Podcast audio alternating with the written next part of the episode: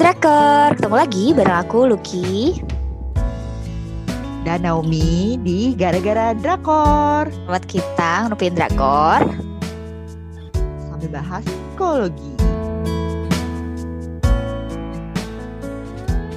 Nah, ya. uh, setelah minggu lalu kita bolong. Kita jadi sering bolong kita ya. bahas, Iya bener kita mau bahas satu drama. Eh, jadi ini drama Makjang pertama yang kita tonton. Makjang pertama sih, cuman yang secara sukarela kita iya, tonton. Love featuring Marriage, and Divorce. Ya, ini uh, prestasi ya Mi ya. Kita dengan sadar yeah. tahu nih genrenya Makjang dan menonton sampai habis. ini tuh prestasi, prestasi bener, Tapi setelah habis sih kita ngerasa ini nggak nggak kayak yang yang lain ya. Maksudnya ya, ya. dramatis tuh nggak ngada-ngada banget juga nggak kayak ya hmm. ya smooth aja gitu nggak nggak yang terlalu emosional gimana banget juga ya Nggak, ya emosi mungkin ada, cuman nggak pengen bikin marah karena kan kalau setiap gue lihat apa orang berkomentar tentang penthouse tuh bawaannya pengen marah terus ya kan. Kita sih enggak ya. Kita kadang-kadang nonton enggak, enggak. nonton apa spoiler penthouse aja kadang pengen marah kalau yang ini sih enggak. Cuman kayak kan kayak gitu. Oke, okay, sekarang hari ini kita ke eh, dulu ke eh dulu waktu episode 1 2 kita udah bahas ya Mia. Ya uh, first impression kita. Jadi sekarang kita mau wrap up. Jadi gimana sih secara keseluruhan drama ini tuh bagus atau enggak gitu. Nah, ini uh, warning juga mungkin buat yang belum nonton tapi pengen dengerin dari awal. Nanti potong motongnya setengah-setengah aja atau ini akan ada sedikit spoiler-spoiler adegan karena kita memang mau membahas uh, drama ini secara utuh gitu. Jadi gimana Mi? Oke. Okay. Kalau menurut gue sebenarnya drama ini tuh uh, berpotensi untuk bisa jadi bagus gitu karena kan hmm. sebenarnya uh, temanya pesannya itu cukup real ya kalau menurut yeah, kita yeah, nggak yeah, yeah. ngada-ngada lah kayak penthouse tuh karena uh, isu utamanya adalah pernikahan dan perselingkuhan hmm. tapi masalahnya adalah mungkin karena ini tiba tiba-tiba ratingnya tinggi jadi dipanjangin dari 12 episode jadi 16 episode oh. tiba-tiba ada season 2 gitu itu kayaknya jadi awal kehancuran drama ini. jadi bener-bener.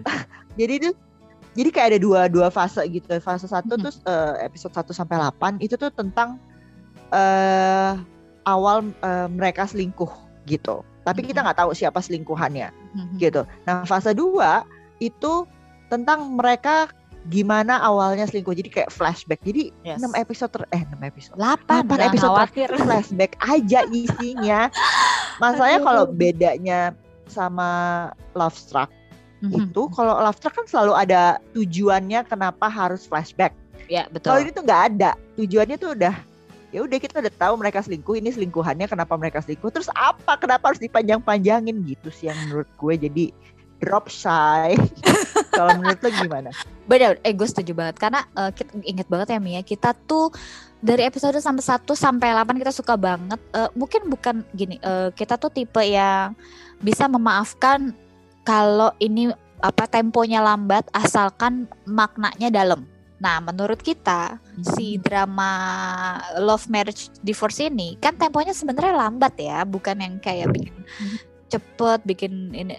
Tapi memang eh, kadang-kadang ada adegan yang berlangsung terlalu lama, tapi sebenarnya kalau diperhatikan dialognya tuh oh, dahsyat banget dialog-dialognya itu. Khususnya apalagi waktu sat, episode 1 sampai 8 itu fokusnya di kehidupannya si aduh gue selalu lupa namanya si pak dosen dengan istrinya yang merupakan script writer ya kan gue inget hmm. banget jadi gue sampai merasa seolah nih jangan-jangan pemeran utamanya memang mereka karena memang fokus di episode 1 sampai 8 meski yang lain diceritain tapi yang banyak banget dialognya yang meaningful adalah keluarga mereka ya, jadi gitu. tuh sebenarnya tuh kayak fase 2 tuh kayak uh, 9 10 kita bisa nonton karena kita yes. udah tahu secara keseluruhan oh ini selingkuhannya siapa habis itu mm -hmm. udah nanti nonton aja ending ke 16 5 menit terakhir. Oh, karena itu ada isu baru ya, betul. Karena lima menit ya, ada isu baru isu aja. baru untuk membawa kita ya. ke season 2. Bener bener. Jadi ya, yang lainnya boleh di skip sih dan tidak akan membuat kita tidak mengerti. Kita tetap Betul. mengerti walaupun skip banyak episode. Khususnya Karena, kalau kamu emosian dan gampang tertrigger dengan perselingkuhan, skip aja. episode 11 sampai 15 gitu sampai 16 tengah lah gitu kan ya di skip aja. Nanti nonton 15 menit terakhir gitu. Jadi cukup 9 10 untuk tahu mereka selingkuhannya siapa aja dan gimana asal mula ketemunya. Habis itu lengkap 16 di 15 menit terakhir. Kalau nanti mau nonton karena menurut gue mau dibilang kamu harus nonton enggak. Tapi kalau kamu penasaran nggak apa-apa banget nonton ya kan? Nggak apa-apa banget benar, tapi nggak harus. triknya itu tadi kita udah Bener. ngasih tahu triknya nontonnya 1 sampai 10 habis itu 16 terakhir. Gitu. Nah oke okay. berarti kita sekarang ngomongin kayak ini kali ya kelebihan dan kekurangannya drama ini. Kelebihan tadi kita udah bilang ya apa sih kelebihannya mi? Uh, dialognya ya dialognya kece dialognya tuh bagus hmm. makanya jadinya satu adegan tuh bisa panjang banget sih karena ya Betul. ya itu tadi dialognya bagus hmm. gitu terus isunya tuh cukup real gitu jadi benar-benar kayaknya isu perselingkuhan tuh dikupas dari berbagai sisi gitu Betul. jadi kalau ini mungkin nanti nanti akan kita bahas. Jadi kita mm, suka kalau ada di lambe turah gitu kan perselingkuhan terus pasti nyalahin pelakor gitu. Kalau enggak, jadi kita bisa memahami kenapa orang selingkuh gitu. Yes, yes, benar loh. Karena ini tiga ada tiga perselingkuhan dengan alasan berbeda-beda ya. Yang itu nanti akan kita bahas di belakang. Hmm. Nah, itu kelebihannya. Kekurangannya nih, kalau menurut gue kekurangannya adalah tokohnya terlalu banyak. Jadi kayak gue pusing udah mah pusing ngafalin namanya siapa aja akhirnya jadi gue menghafalkan profesinya mereka kecuali Sapiong yang paling kita ingat ya kan Iya, iya kan namanya terlalu unik. Iya betul. Yang lainnya nggak ingat, jadi uh, tokohnya tuh terlalu banyak. Ada si tiga pasang suami istri, terus ada bapak mertua, ada Ah, ibu mertua yang dari sebelah sini gitu loh. Jadi kayak terus ada lagi si selingkuhan belum lagi tiga selingkuhan. Iya loh. Ada lagi si pak dokter herbal yang dari awal gue memang menduga ini apa hubungannya ya? Karena si tiga cowok ini kan kenal semua sama si bapak herbal ini. Ya, dan semua keluarga itu pernah uh, berobat di pak herbal berobat. ini pak dokter herbal ya kan jadi gue curiga eh bener hmm. akhirnya ternyata ada dikasih lah storynya si bapak herbal di episode 16 gitu. Itu kekurangannya. Jadi untuk kamu yang masih merasa uh, baru di dunia drama Korea dengan susah menghafal muka gitu, memang ini akan sulit sih karena oh ini banyak banget yang harus dihafalin. Belum anak-anaknya lagi, astaga. Ah, benar benar benar benar benar. Ini hampir menyamakan uh, menghafal drama Sagek, ya kan? Sagek kan juga tokonya ya, mungkin tuh khasnya Makjang gitu harus banyak dan semuanya harus oh, iya benar juga ya. gitu. Oh iya, oh iya benar juga ya penthouse juga gitu ya mungkin. Oke. Okay. Ya, Jadi gue mengerti kenapa gue menghindari Makjang biasanya karena kayak terlalu pusing ini banyak banget orangnya gitu. Itulah kenapa sampai ending kita tetap nggak hafal namanya gitu. banyak. Kalau maksudnya drama lain kan karena tokoh yang dibahas tuh cuman itu itu aja jadi kita diulang-ulang terus tuh apal kalau ini ya, banyak amat ya Jadi dalam satu episode biasanya akan ada lima pasang yang diceritain kan terlalu li enam sama tiga tiga tiga selingkuhan yang selalu nongkrong bareng ini. Sadar mereka nongkrong sos kayak bikin klub hai para pelakor gitu ya. Mari kita berkumpul gitu. Kayak gitu. Nah, sekarang kita akan bahas di sisi psikologinya kali ya Mia. Jadi gara-gara drakor yang satu ini nih, apa sih yang bisa kita dapet nih ilmu? Bukan ilmu sih kali ini ya. Apa ya? Makna. Tips mungkin. Jadi apa sih yang kita Bahwa pelajari gitu ya? Hmm. perselingkuhan tuh cukup kompleks ya. Bukan berarti karena ya suami gue digodain jadi tiba-tiba dia berselingkuh. Enggak juga yes, gitu. yes. karena siapa yang godain di sini ada sih ada sih uh, di sini yang ada ada, uh, ada. Eh, ceweknya yang godain gatel ya betul si gatel ketemu sama si gatel lainnya Karena pada dasarnya semua cewek ada di sini tahu kalau cowok-cowok ini tuh udah punya istri ya. Yes, yes, betul. jadi mungkin uh, kecuali jadi memang ini tuh ya yang uh, pasangan biar ini nggak terlalu spoiler tapi kayak gini uh, nanti kalian cari tahu sendiri ini siapa ya pasangannya tapi ada pasangan yang akhirnya bertemu uh, karena mempunyai minat yang sama ya kan yang dia tidak temui dengan pasangannya ada pasangan hmm. yang punya tipe ideal sebenarnya dalam pernikahan tapi ternyata pas sudah menikah sama istrinya lah kok istri gue jauh banget nih dari tipe ideal gue terus ketemu lah sama cewek ini yang Hmm. ah ini dia yang gue butuhkan yang kayak gitu ada pasangan yang sama-sama gatel ya emang gatel gitu.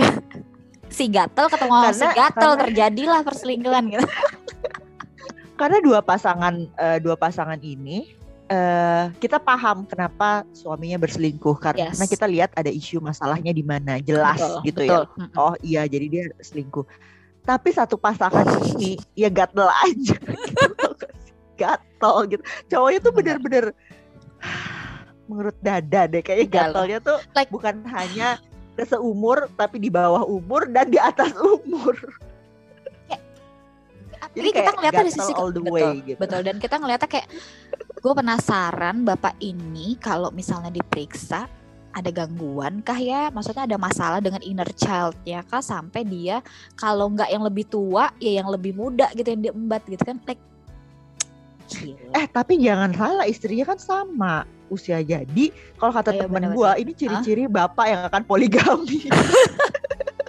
kayak nggak puas ya nggak puas ya. Bener bener bener bener. Bukan karena istri kurang tapi saya membutuhkan hal lain yang tidak saya butuh yang lebih muda ya kan nggak mungkin istri dibikin jadi lebih muda gitu kan ya tapi butuh juga yang lebih tua yang nggak mungkin juga istri dituain jadi ya kita selingkuh lah bersama yang muda dan yang tua gitu. iya bener. Karena di antara tiga perempuan ini suami yang sem- suami eh suami istri yang ini tuh sempurna banget gitu iya, loh. Jadi betul, betul. gak ada celahnya dibanding tiga ini. Tapi justru suaminya selingkuh dengan yang paling mengagetkan. Bener apalagi si suami di awal-awal cerita tuh juga sempurna banget ya. Tapi karena kita udah tahu Wah, ini adalah cerita Sampai- perselingkuhan tapi- ya. Kita deg-degan gitu ya. Sampai Ini- episode 16 pun dia di depan istrinya tuh paling Sempurna. sempurna, nggak ada Iya. celah dan bukan berarti si dia ini tuh kayak nggak sayang istrinya nggak juga, nggak puas sama Ah, istrinya atau nggak keluarganya juga. nggak juga. Dia tuh kayak cinta, bahagia, yes. sempurna aja kehidupan. Mungkin dia butuh tantangan baru kayaknya sih. Ini adalah tipe ya gua rasa itu ya. Jadi kayak eh, kayak pikirannya tuh lihat dia kan selalu yang digambarkan punya hayalan-hayalan ya. Kalau yang dua cowok lain kan nggak punya ya hayalan. Jadi si bapak yang satu ini mu- kadang-kadang kita berpikir apakah karena justru istrinya terlalu sempurna jadi dia mencari yang tidak sempurna kita nggak tahu juga karena kita kita belum tahu kejelasannya segila sampai 16 episode tetap tidak terlalu diceritain kenapa sebenarnya dia mau gitu nah in real Jadi life gitu. si- Suami yang ini tuh justru di antara ketiga yang lainnya tuh dia kita nggak dapet kenapa dia harus selingkuh ya. Iya, Karena betul. menurut kita nggak tahu ya apa hormon gatel itu memang ada atau Iya, gimana. udah. Jadi itu kayak membreakthrough, nggak membreakthrough sih. Jadi eh, gue sebagai psikolog juga selalu, apalagi kan memang kan eh, kita berdua memang interestnya sama relationship ya Mi ya, gitu kan. Jadi kita tuh selalu percaya bahwa perselingkuhan itu tidak pernah terjadi hanya karena satu orang gitu. Jadi eh, cuman memang mungkin ya porsinya selalu berbeda, tapi pasti selalu ada hal-hal yang salah dalam kehidupan marriage ya baik dari pihak laki-lakinya maupun perempuannya. Tapi memang gue se- selalu bilang juga nih bahwa eh, karena pernah ada yang nanya, eh tapi kan kak bisa aja cowoknya yang gatelan. Nah memang itu adalah eh, istilahnya bagi gue adalah itu diabaikan. Itu tuh eh, faktornya. Ini orang udah beda banget kalau yang sampai kayak gitu. Jadi gue membedakan perselingkuhan adalah perselingkuhan karena emang jatuh cinta lagi sama orang lain. Yang gue Mhm. maksud bahwa itu ada bukan kesalahan ya pasti ada eh, triggernya dari pernikahan aslinya sama perselingkuhan yang emang karena gatel sakit istilahnya emang gangguan ya itu mah emang udah gak usah diperdebatkan bahwa itu udah pasti Nah, salah iya. lakinya gitu itu tidak ada hal yang harus diperdebatkan dalam hal itu gitu kan There's nothing Nah, you can ya do. mungkin yang kedua ini Nah mungkin si udahlah sebut aja ya si Pak dokter Ya. ini mungkin memang gatel dari sananya gitu kayak yes yes tidak mengerti sampai akhir kenapa gitu dan Benar. kita sih berharapnya kalau ada season 2 justru kenapa Fokus, dia selingkuh tuh alasannya apa tuh Betul. difokusin kali daripada kegiatan dia berselingkuh. Iya benar. Karena itu yang paling banyak kegiatannya ya, Bu ya.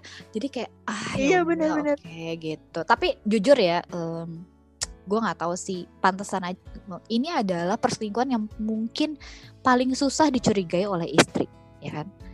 Karena Hmm, dia nggak per dia nggak pernah tuh sengaja izin keluar kota hanya untuk berselingkuh, ya kan? Dia tuh emang berselingkuh di Hmm. sela-sela waktu gitu. Jadi dia selalu pulang selalu pulang ke rumah bener-bener karena mani karena dia bilang kan ke selingkuhannya Mm-mm. kamu pokoknya nggak bisa aku temuin jam segini sampai jam segini karena ini kan Iya. kayak family time gue gitu jadi udah ada Betul. jadwal ya Iya.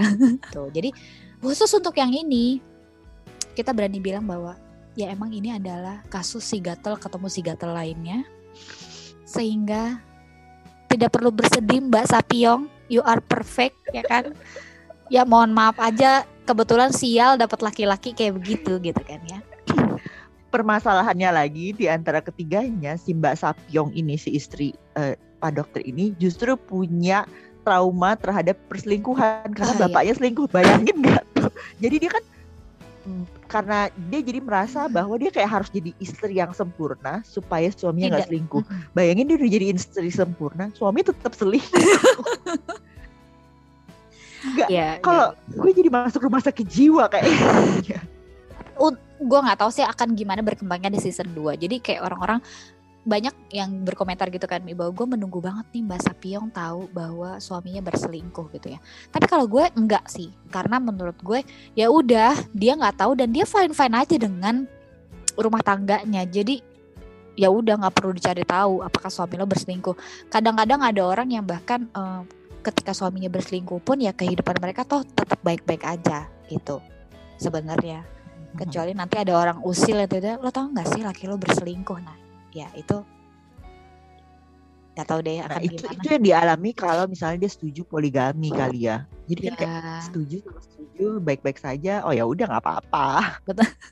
bener bener itu kalau di di di Indonesia mungkin ada poligami kalau si bapak dokter ini ya Bener sih Pak Dokter.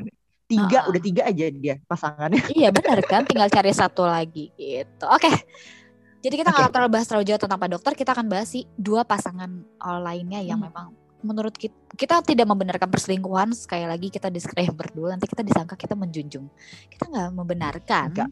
ya sekali lagi dicatat kita tidak membenarkan tapi we are understand alasan si suami-suami ini berselingkuh gitu bukannya dibenarkan Bener. tapi paham Sebenarnya ini bisa bisa jadi pelajaran buat kita. Kenapa sih akhirnya perselingkuhan isu mana konflik mana yang bisa bikin kita belajar bahwa sebaiknya kita nggak kayak gitu gitu.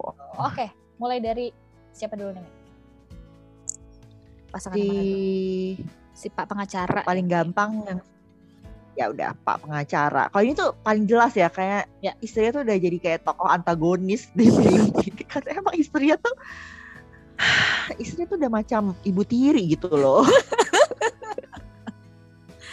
Tapi mungkin ini latar belakangnya dulu ya. Mereka tuh baru menikah tiga tahun ya kan. Hmm, jadi semestinya sih masih eh, memang kalau secara teori ya kan teori pernikahan usia tiga tahun ini kayak lagi rentan ya kan? Karena kan lo mulai kayak mengenal lebih jauh lagi pasangan ya kan? Karena udah tinggal bersama. Masa honeymoon sudah lewat ya kan? Yang senang-senang lucu-lucu udah lewat. Ini adalah kayak the real life yang akhirnya kita melihat bahwa oh pasangan kita ternyata kayak gini pasangan kita ternyata kayak gitu. Nah itulah yang dihadapi oleh si bapak pengacara ini.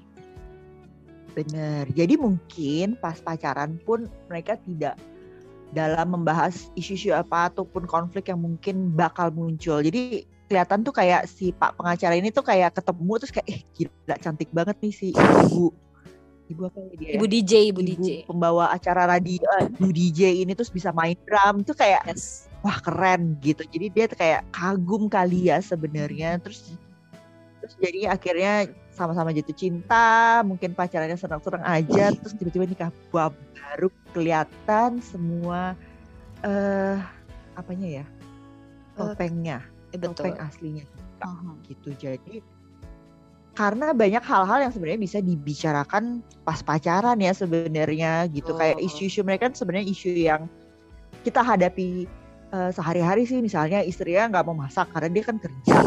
Terus suaminya tapi ternyata eh modelnya adalah ibunya yang ibu rumah tangga banget gitu yang semuanya diurusin, dimasakin gitu. Terus dia nggak ngeliat kalau mungkin istrinya dibesarkan dengan cara yang berbeda. Terus apalagi dia? Terus udah gitu istrinya tuh make upnya tebel. anak. oh, iya.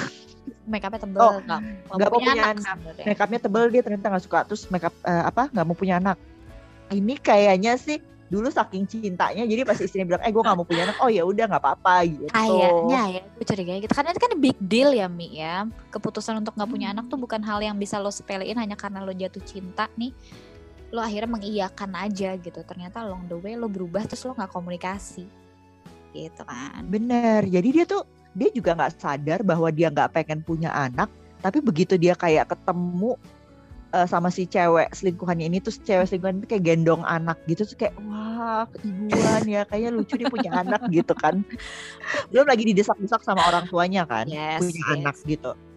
Jadi ah, baru dia tersadar kayaknya aku pengen deh Benar. Nah, dari pasangan ini tuh kita bisa belajar banyak ya Mia kayak misalnya kita ngomongin soal uh, kita tuh kita berdua punya uh, ada ada Instagram juga Ciela sekalian promo. Mungkin nanti teman-teman bisa ngecek di apa setyourmindset.id. Nah, kita bahas banyak hmm. sekali tentang relationship di situ. Nah, salah satu hal yang harus diperhatikan dan ini kelihatan banget di pasangan satu ini adalah soal genogram. Jadi genogram itu adalah tentang latar belakang kehidupan. Jadi bagaimana dia diasuh dan latar belakang budaya ya, budaya keluarganya. Ya kan?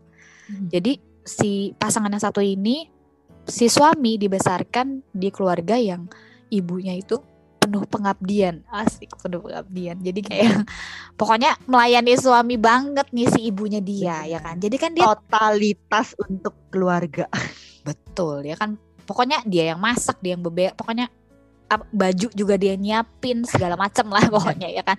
Yang dedikasi banget. Nah jadi wajar aja kan kalau ketika kita lahir di keluarga yang kita ngeliat nih pasangan uh, bapak ibu kita cara berpasangannya seperti apa. Kalau misalnya dia ternyata kita melihatnya sebagai pasangan yang harmonis tentu kita jadi berharap ya aduh gue kalau nikah hmm. kayaknya enak nih dilayani kayak begitu. Kayaknya kita curiganya gitu ya kita kan tentunya nggak tahu sebenarnya isinya otaknya pak pengacara kayak apa tapi tapi dugaan kita dari setiap adegan yang ditampilkan tuh begitu jadi dia kayak punya imajinasi bahwa keluarga yang ideal adalah istri melayani suami dia nggak sadar itu ya kan sampai akhirnya berkonflik tentang itu dengan istrinya gitu Benar. Karena mungkin istrinya cukup mandiri karena kan hmm. orang tuanya di luar negeri tuh yes. ceritanya. Jadi dia banyak hidup sendiri, dia juga kerja. Jadi mungkin ya apa-apa sendiri aja kenapa harus diurusin. Dia tidak hmm. melihat bahwa istri tuh harus masakin, ngurusin semuanya hmm. kayak gitu. Hmm. Jadi ada satu konflik di mana si Pak pengacara ini kayak pengen dimasakin nasi gitu. Terus istrinya ya udah lo masak sendiri aja. Kan tapi mungkin itu big deal buat dia bahwa yang masaknya itu harus istri walaupun misalnya yeah. mungkin ada pembantu, mungkin ada GoFood di sana gitu, yeah. tapi dia pengennya istrinya karena dia ngelihat ya ibunya aja seberdedikasi itu. Masakannya tuh banyak gitu ibunya. Iya, iya, ya Gitu sebenarnya istri makan masak nasi aja nggak mau. Jadi dia tuh mengharapkan ya itu tadi genogram bahwa pola asuh mereka berdua, culture yang mereka berdua berbeda dan hmm. mereka tidak menyadari itu. Mungkin nggak ada perbincangan dulu gitu ya iya nggak ada tuh obrolan sebelum nikah kayak eh nanti kita lo gimana? Mau karena gimana ya? Lo bayangin kan kita melihat bahwa karakter istrinya adalah sangat wanita karir. Eh ujuk-ujuk setelah nikah. Kenapa kamu nggak berhenti aja? Jadi kau bisa masakin buat aku. Lah ini kan gimana nggak ngamuk kan ya? Itu kan bukan hal yang bisa lo omongin di tengah jalan. Makanya obrolin dulu sebelum nikah. Jadi gimana nih nanti? Apakah apakah kita berdua akan sama-sama kerja? Siapa yang jadi uh, apa peng, peng apa breadwinnernya. Nanti siapa yang ngurusin rumah yang masak. Kayak gitu loh gitu kan. Benar karena mungkin ketika kita sedang pacaran dan jatuh cinta kita mikir ah, yes. ah nanti ketika nikah eh, semuanya akan berubah. Atau ya udah nanti berjalan semestinya aja semuanya akan indah. Tapi selalu ingat bahwa hal kecil yang ada di pacaran itu tuh akan uh, akan bertambah 100 kali ketika menikah. Kayak misalnya waktu sebenarnya kita nggak suka nih kayak uh, suami kita pacar kita pakai baju kusut gitu pas pacaran tapi kan kita oh ya udahlah dan kita juga nggak ketemu dia 24 jam kan jadi yes. kayak ya sutra lah gitu kan tapi pas nikah itu kan cuman baju lecek aja tuh bisa sampai ke ubun-ubun gitu loh keselnya. Banget Karena banget. lihat dia setiap hari, ngobrol sama dia setiap hari, interaksi sama dia gitu. Jadi makanya akan berkali-kali lipat justru masalahnya yang ada. Gitu. Benar. Jadi oh terus masalah yang kedua soal akhirnya mau punya anak. Kita melihat pasangan hmm. ini kayak, kayak kayak terlalu mudah ya tadi Naomi udah bilang ya kayaknya dulu cinta banget sehingga pas si bininya bilang eh tapi gue gak punya anak ya iyalah jadi ngiyain aja yang penting gue nikah sama lo nih nanti lo jadi ada orang yang berpikir gini ah ntar juga bisa gue ubah pemikirannya Iya kan Mm, bener.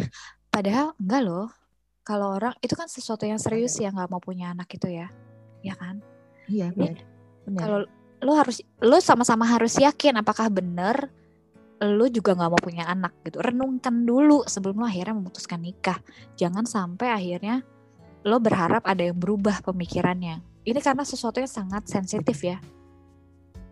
Benar Gitu. benar benar dan kadang-kadang kita mikir ya udah nanti pas nikah diomongin lagi siapa tahu dia berubah gitu kan. Padahal Yes. sebenarnya nggak akan berubah sih sama-sama aja. Justru Mhm. mungkin jangan-jangan masih sama sampai kapan pun gitu. Dan Betul. akhirnya kita jadi malah kaget loh pas pacaran kan setuju kok sekarang enggak gitu. Iya. dikiranya kita yang berubah jadinya. Kok keinginan lo berubah ya? Iya bener ya kan. Jadi kayak Jangan sampai Jadi bener-bener ya ketika kita ngobrolin hal yang kayak begini Kita tuh harus punya harapan bahwa Dia nggak akan berubah. Yakinkan dulu diri lo Dia nggak akan berubah Lo masih mau apa enggak gitu. Ya kalau sampai akhirnya nanti ternyata jadi Ya, berubah Ya kan betul. Alhamdulillah Ya kan Syukurlah gitu kan Betul. Oke dia berubah jadi gue bisa Akhirnya oke gitu tapi yang harus kita tanamkan dulu di kepala kita ketika kita melihat hal yang negatif dalam pasangan kita nih sa- saat lagi pacaran yang nggak sesuai sama kita, kita harus tanya dulu, bisa nggak ya gue bertahan seumur hidup dengan hal ini, ya kan? Kalau ternyata bisa, ya menikahlah. Kalau misalnya nggak bisa, ya udah cari yang lain. Nggak ya nggak gitu sih, bukan cari yang lain. Maksudnya obrolin gitu, obrolin. Jangan Benar, benar, benar. Karena karena menurut kita itu tadi cinta aja nggak cukup gitu dengan segala macam konflik, isu, permasalahan yang bakal menerpa saat eh, menikah. Mhm. eh, Kadang-kadang cintanya jadi nggak cukup kuat karena ya itu konfliknya terlalu besar dan terlalu misalnya kita tadi terlalu sensitif, terlalu betul. prinsipil gitu. Betul. Jadi kalau menurut lo Mi, pasangan ini sebenarnya bisa diperbaiki nggak sih ininya? Kan udah selingkuh nih. Menurut gue sebenarnya bisa banget ya. bisa banget gitu. Mungkin dia harus konseling pernikahan gitu karena Yes. ini sebenarnya cuma masalah ekspektasi, komunikasi dan kalau dua-duanya masih saling mau satu sama lain bisa banget sih sebenarnya diperbaiki gitu nggak? betul, betul, betul. Kompromi. Yang penting ngobrol. Salahnya si salahnya siapa nih bapak ini kan waktu dia akhirnya melihat dia kayaknya pengen dimasakin ya dia langsung nembak aja gitu ke istrinya ujuk-ujuk nggak ada angin nggak ada hujan ya kan masakin dong gitu kan terus istrinya nggak mau lah emang kenapa kan gue juga kerja capek ya makanya kamu berhenti kerja aja itu kan siapa yang nggak marah ya? Bayangin nih. Benar-benar itu tuh hal yang maksudnya itu jati dirinya dia ya wanita Betul. pekerja terus tiba-tiba lo berhenti kerja. Kan gara-gara apa? Masak nasi. ya masak nasi Gimana nggak emosi? apaan nih tiba-tiba ngobrol ini nah tapi dan si bapak itu nyerah nggak pernah lagi ngomongin ya kan padahal kan itu suatu hal yang bisa di share tapi gue pengen nih gimana ya caranya supaya sesekali lo masak Nah, ada bisa kompromi itu Bener. daripada lo malah jadi ya udah kalau nggak mau gue cari aja cewek lain yang bisa masakin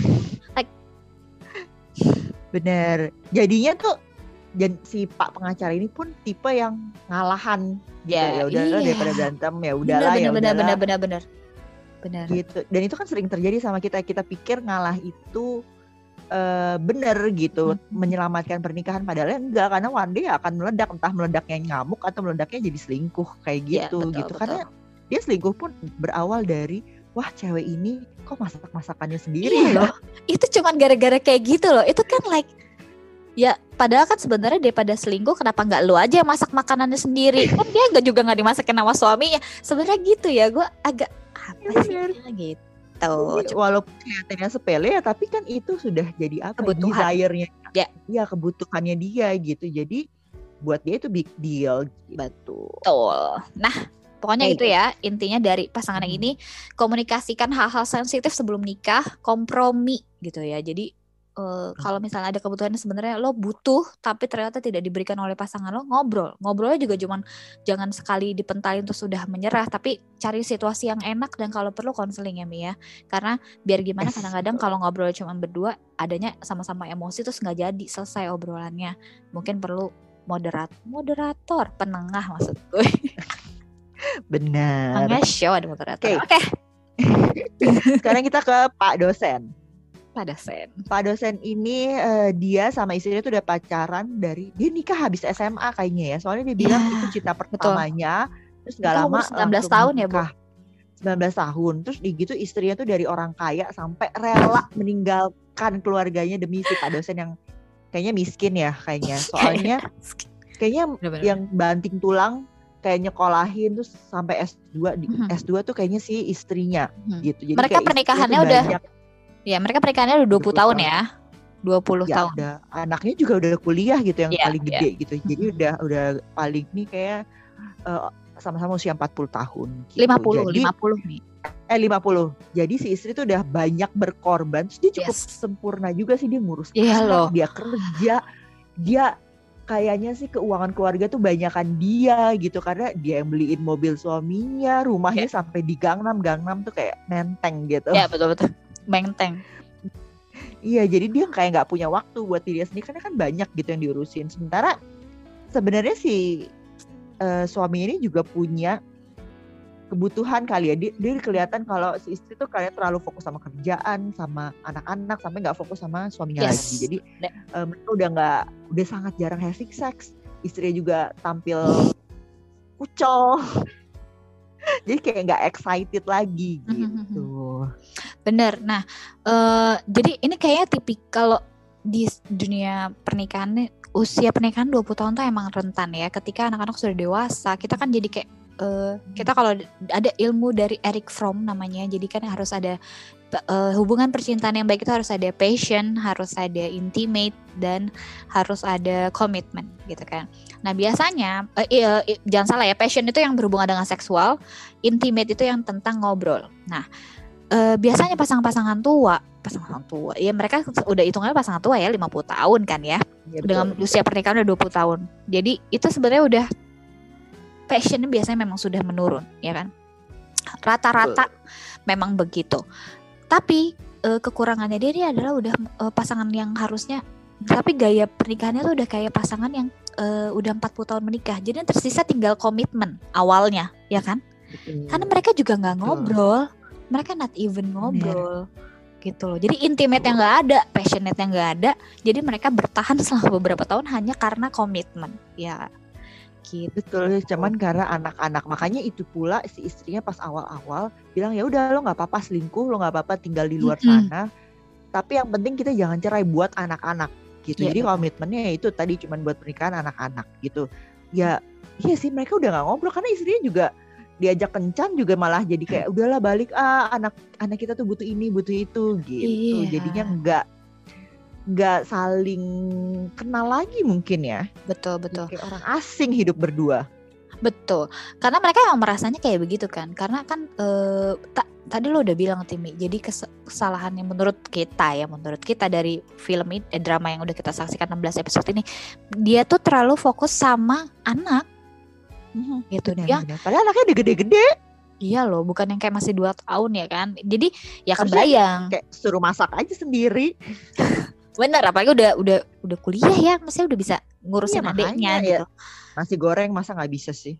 Betul. Nah ini kayak terlalu mengurusin anaknya, tapi nggak lagi ngurusin eh, suaminya. Kita udah pernah bahas ya tentang love language ya waktu itu ya. Eh di sini bukan sih? Benar, benar, benar. Eh, enggak sih kayaknya. Oke Eh, kita tapi pernah di sini. Iya, Love pernah ya.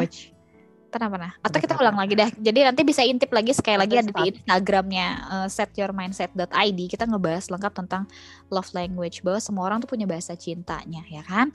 Untuk merasa dicintai sama orang lain, dia perlu merasakan si bahasa cinta itu. Ya mungkin aja Pak dosen ini kayaknya yang bahasa cintanya adalah intimacy dan seks, ya kan? Dan physical touch. Iya bisa bisa. Hmm. Karena itu tadi dia tuh baru mulai tergerak untuk selingkuh ketika selingkuhnya tuh kayak tolong peluk aku. Terus dia tuh kayak dek gitu loh. Betul. Jadi kayak memang kebutuhan untuk sentuhannya dia tuh cukup besar. Sementara istrinya mungkin love language-nya itu eh, melayani. gift. Karena dia itu tadi kasih hadiah itu mobil, Bo. Mobil itu yang mahal gitu kan. Betul, Terus betul. kayak dia ngasih uangnya untuk sekolah Mhm. eh, S2 bapak suaminya. Jadi kayak Mhm. dia memang memberi-memberi terus tapi ternyata ya itu memang bukan kebutuhan bahasa cintanya si Pak dosen. Iya, Pak gitu. dosen butuh yang lain. jadi nggak ada yang salah tapi ternyata sayang sekali ya kak ya lo dia mereka udah berhubungan dari SMA ya kan pacarannya udah lama banget baru akhirnya memutuskan menikah ya tapi kok nggak kenal ya kan bahasa cinta setelah sekian lama kok lo tidak memberikan bahasa cinta yang dibutuhkan oleh pasangan? Gitu. Jadi benar jadi sering kali ya itu tadi kita menikah tapi ya udah yang kita obongin kan jadi makin hari makin rutinitas aja kan bukan kayak heart to heart lagi mm-hmm. bukan konflik juga ya udahlah kalau nggak penting-penting banget nggak usah kayak gitu. Jadinya makin lama kita jadi makin kenal Iya, jadi sayang banget sih sebenarnya ternyata itu bukti ya bahwa kadang-kadang lamanya pernikahan juga tidak menjamin kita akan selalu menikah ya kan karena uh, per pertama perasaan cinta itu bersifat sangat dinamis. Jadi bisa kadang cinta banget nanti akan menurun. Itu perlu dipupuk, perlu disiram kayak nanem aja ya kan, perlu disiram tiap hari. Nyiramnya pakai apa? Nah, nyiramnya ya pakai sih bahasa cinta yang dibutuhkan Betul, komunikasi, bahasa dan lagian mungkin orang-orang yang anak muda mungkin harus paham hmm. kalau nikah tuh nggak selalu jadi kayak deg-deg ser kayak pacaran gitu. Kadang-kadang ya emang nggak ada deg-deg ser kalau ketemunya 24 jam ya tidak deg-deg lagi dong. Ya aneh ya, mungkin ada perlu periksa jantung kalau deg-deg ser. Iya gitu. Jadi excited tetap ada, tapi form dalam bentuk yang berbeda ketika pacaran. Betul. Jadi emang itu perlu dibangkitkan gitu. ya kan, perlu dibangkitkan bahwa oh iya yuk kita kencan lagi, kita ngobrol lagi dan itu memang tidak mudah gitu.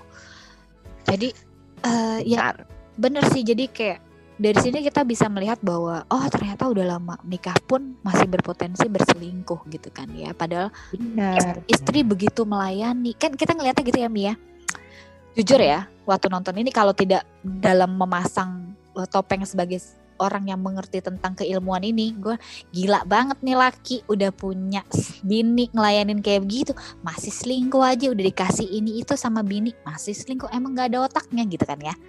Ya tapi gimana si bapak butuh yang lain. Kalau misalnya nih udah pakai keilmuannya jadi ya tapi si bapak butuhnya bukan dikasih hadiah cuy jadi gimana dong gitu Benar, benar. Nah, tapi menurut lo pasangan hmm. ini masih bisa nggak balikan lagi sebenarnya? Bisa diperbaiki atau enggak? Ah, gue entah kenapa merasa ini akan sulit, ya kan? Karena sudah di usia itu, bapak ini juga merasa kayaknya dia lebih cinta sama si pasangannya ini karena merasa kebutuhannya ada semua dan tersalurkan di situ. Jujur sih kalau gue melihat ada kemungkinan bisa diperbaiki tapi lebih ke arah ya udah nggak usah aja lah gitu.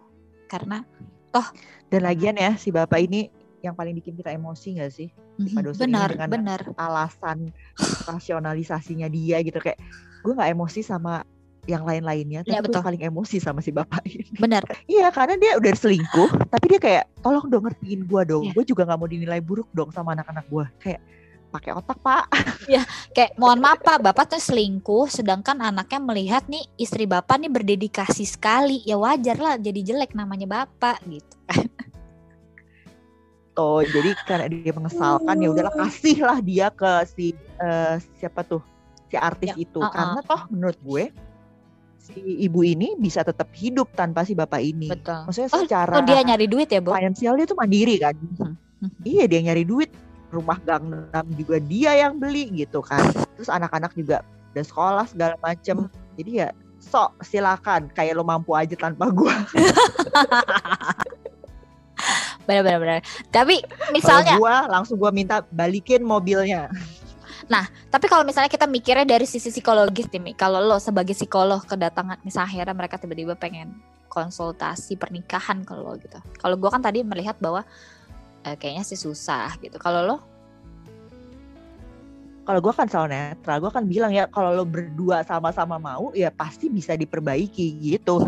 Tapi kalau lo ada satu yang nggak mau, satu mau, ya yeah. mendingan nggak usah aja. Aha, lebih bener, susah kan, betul, gitu betul. kan. Intinya mau masalahnya segede apa pun, tapi kalau dua-duanya masih sama mau, sama mau memaafkan, mau kompromi, yeah. selalu ada jalan sih untuk baikan gitu. Betul, tapi kalau satunya udah nggak mau, berarti kan tujuannya udah beda ya satu yes. gak mau satu mau gimana gitu nah itulah kenapa gue gitu. melihat si pasangan ini kayaknya sulit karena kan bapaknya dari awal yang ngotot pengen pisah ya kan pet detik terakhir juga dia pengen pisah udah nggak pengen lagi nah, sama istrinya iya. gitu itu akan membuat Bener, sulit banget susah.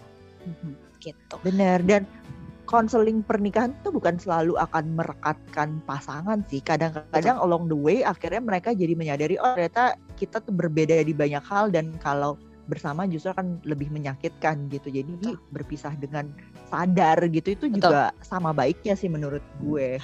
Setuju banget nanti konsultasi pernikahan hmm. itu kadang ya itu tadi uh, bisa kalau memang udah ada niatnya sama berdua udah pengen merekatkan kembali apa pun permasalahannya termasuk perselingkuhan karena ini berdasarkan penelitian ya. Jadi banyak di, ini yang mungkin akan menjadi kontroversi buat teman-teman yang dengar tapi banyak kan orang yang bilang sekali selingkuh akan terus berselingkuh gitu kan ya. Tapi gue adalah salah satu orang yang menolak itu karena berdasarkan penelitian tidak begitu, ya kan? Berdasarkan penelitian kalau emang orangnya sudah berniat untuk stop selingkuh, dia punya reason yang kuat sebelumnya untuk berselingkuh kayak tadi yang kita ngomongin si dua pasangan ini, dia punya kebutuhan yang tidak didapatkan dari pasangan yang dia selingkuhin. Ya, ketika Pak di, jadi secara teoritis gitu ya, ketika akhirnya dia mendapatkan kebutuhan tersebut, kemungkinan dia untuk selingkuh yang menjadi lebih kecil gitu kan. Dan ketika dia sudah berniat untuk tidak akan pernah selingkuh itu juga menjadi lebih kecil. Kecuali ya mungkin yang kayak tadi yang si gatel, si gatel tadi ya. Kita nggak tahu. Itu memang kemungkinannya sulit banget karena kan dia bukan karena dia jatuh cinta juga. Emang karena ya. simply gatel. gampang tergoda. Gatel jadi ah, nggak nggak bingung gitu apa yang harus diperbaiki dalam pernikahan itu nggak nggak ada. Nggak ada. Nggak ada. Nggak ada. Nggak bisa orang satunya nggak salah. Iya. Satunya udah salah. Jadi ya cerai aja kalau ini. Ya. ya Allah, maaf ya. Maksudnya kita tahu sih kita di sini lagi berperan sebagai psikolog, tapi jujur deh kalau yang kayak gitu tuh kadang kita hanya memberikan edukasi. Are you sure dia akan berhenti berselingkuh? Apakah orang yakin kamu si suami ini akan stop atau enggak?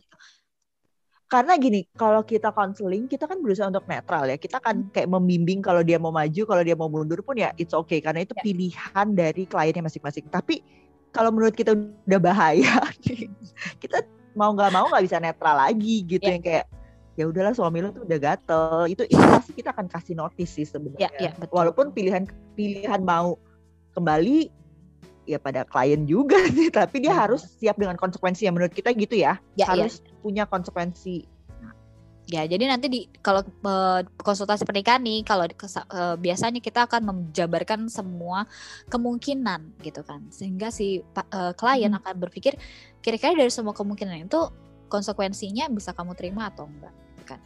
Satu hal yang mungkin kalau karena pada ya jadi karena karena pada akhirnya sebenarnya apa pun pilihan kita karena kita siap konsekuensinya aja gitu, belum Betul. tentu itu lebih baik atau lebih buruk sih. Betul gitu. Nah, kalau ada pertanyaan mungkin gak sih hubungan pernikahan bisa diperbaiki setelah perselingkuhan? Mungkin banget, ya kan? Syarat utamanya adalah dua-duanya memang mau memperbaiki, ya kan? Baik si istri maupun hmm. si suami, dua-duanya, baik yang berselingkuh maupun yang diselingkuhi. Kedua, yang diselingkuhi harus siap untuk tidak mengungkit-ngungkit lagi uh, perselingkuhan itu kayak kamu sama siapa kemarin ngapain aja udah sampai mana itu susah banget ya ditahan tapi ya itu dia juga yang bikin akhirnya tidak mungkin lagi untuk diselamatkan jadinya pernikahannya karena terus Bener. di dodging gitu istilahnya Bener, karena sebenarnya itu kan menyakitkan ya. Kita sebenarnya udah tahu, paham kalau dia selingkuh. Tapi untuk apa sebenarnya tahu detail ya? Itu kan sebenarnya ya. lebih menyakiti kita kan. Betul betul. Gitu. Tapi ya itu kadang-kadang kita jadi memang jadinya selalu alert dan insecure aja jadinya. Ya itu efek pernikahan, eh efek pernikahan, efek perselingkuhan ya. Jadi biasanya korban perselingkuhan tuh akan menjadi susah percaya sama orang lain, ya kan? Terus yang kedua merasa rendah diri, merasa bahwa ini gara-gara gue, ini uh, gara-gara gitu. Jadi, nah soal ini ya Mia, walaupun kita bilang ya bahwa per, uh, perselingkuhan itu biasanya terjadi karena dua orang, tapi gue sih selalu pesan bahwa meskipun itu ada salah dari kedua belah pihak, tapi nggak perlu nyalahin diri terus-terusan sih sebenarnya gitu ya, karena betul. bukan berarti kamu jelek kebetulan betul. kamu tidak cocok aja sama si orang ini gitu kan ya jadi benar kayak gitu jadi siapa tahu ya sebenarnya kalau kali ya itu yang sulit dari kayak konseling uh, pernikahan adalah jadinya satu pihak tuh nyalahin dirinya sendiri gitu yeah, yeah. dan itu tuh kan butuh waktu untuk membuat dia punya insight bahwa oh ini uh, ternyata bukan salah gue juga gitu dan itu butuh Bener. waktu lama karena ya pasti suaminya juga akan kamu sih gini kamu sih gini. Yeah. udah kayak berkali-kali kan. Bener jadi pesan kita walaupun kamu misalnya korban perselingkuhan percaya deh uh, mungkin memang iya perselingkuhan itu terjadi karena ada uh, salah satunya adalah peran peran kita nih di dalam hubungan itu. Tapi bukan berarti itu salah kamu sepenuhnya karena mungkin aja memang kamu memang gak cocok sama yang ini nanti akan ketemu orang lagi yang lebih cocok lebih pas dan bisa lebih menyatu komunikasinya mungkin lebih enak bahasa cintanya lebih sama kayak gitu jadi nggak perlu terus-terusan ya kayak gitu Betul, benar. Jadi selalu kita selalu tekankan bahwa masa krusial itu justru pas pacaran. Justru harus yes. all out meneliti calon pasangan kita. Maksudnya kita beli barang aja kan kalau kita di Shopee kan ya bandingin tuh ya dari toko iya. lain gitu kan. Kamu masa beli suami langsung gampang ya kan enggak ya. benar benar benar jadi jadi ngobrolnya tuh jangan cuma yang senang senang aja kita harus ngebahas hal-hal yang apa ya yang sensitif, prinsip-prinsip hidup, betul, betul. budaya keluarga masing-masing yang sangat berbeda mungkin yang kayak gitu-gitu. Jangan sampai kayak kemarin lagi heboh ya Megan dan Bapak uh, Prince Harry ya kan. Gitu. Jadi itu kan juga salah satu karena lo itu masalah budaya banget ya sebenarnya ya. Di iya. luar yeah. di luar ada rasisme dan segala macam tapi ya banyak sekali sih yang kayak yeah, begitu sebenarnya kayak gitu. Benar, mungkin ya dia pikir kalau jadi mungkin dia kayak fairy tale dongeng iya. gitu ya bikin jadi dongeng everything is beautiful gitu dia nggak tahu kalau ratu raja itu kerja ya mohon maaf santai, ya. Cuy. Uh, jadi mungkin keluarga kerja juga mohon maaf Mbak Megan kalau di sini harus kerja gitu kan ya. Uh, dan hmm. ya kita memang begini sejak uh, berabad-abad lalu gitu. Jadi kalau kamu tidak bisa nggak apa-apa. Gitu. Kalau culture-nya Amerika kan lebih kayak individu, maksudnya lebih menghargai pendapat segala yeah. macam. Kalau di ini kan kita semua tahu cukup hmm. kaku gitu. Jadi Betul, apalagi tidak disadari. Ya apalagi ini keluarga kerajaan gitu kan ya. Jadi ya ya udah ini sih sama-sama salah kalau menurut gue jadi karena tidak mempelajari budaya gitu dan jangan sampai kita nih yang rakyat jelat ya kita kalau hitungan nama kerajaan kita kan rakyat jelata ya kan itu terjadi di uh, itu bisa banget juga terjadi di keluarga kita apalagi khususnya Indonesia yang budayanya banyak banget ada orang Jawa ada orang Batak hmm. ada orang Manado yang kemungkinan besar budayanya beda-beda Gitu. Oke okay lah supaya tidak panjang. kita udah panjang banget karena ini adalah topik banget. favorit kita semua. Jadi itu aja. Gara-gara drakor ini kita akhirnya bisa banyak bahwa gimana sih cara mencegah supaya tidak terjadi perselingkuhan di dalam uh, rumah tangga kita. Meskipun meskipun kemungkinan perselingkuhan itu tetap bisa aja terjadi walaupun kita sudah berusaha semaksimal mungkin tapi tetap aja bisa terjadi jadi ya Benar mungkin kita harus banyak berdoa juga. Ingat Pak Dokter. ingat, ingat Pak Dokter. Yang sempurna aja bisa diselingkuhin ya. Jadi ya berserah aja lah, oh. maksimal aja menjadi diri yang terbaik. Gitu.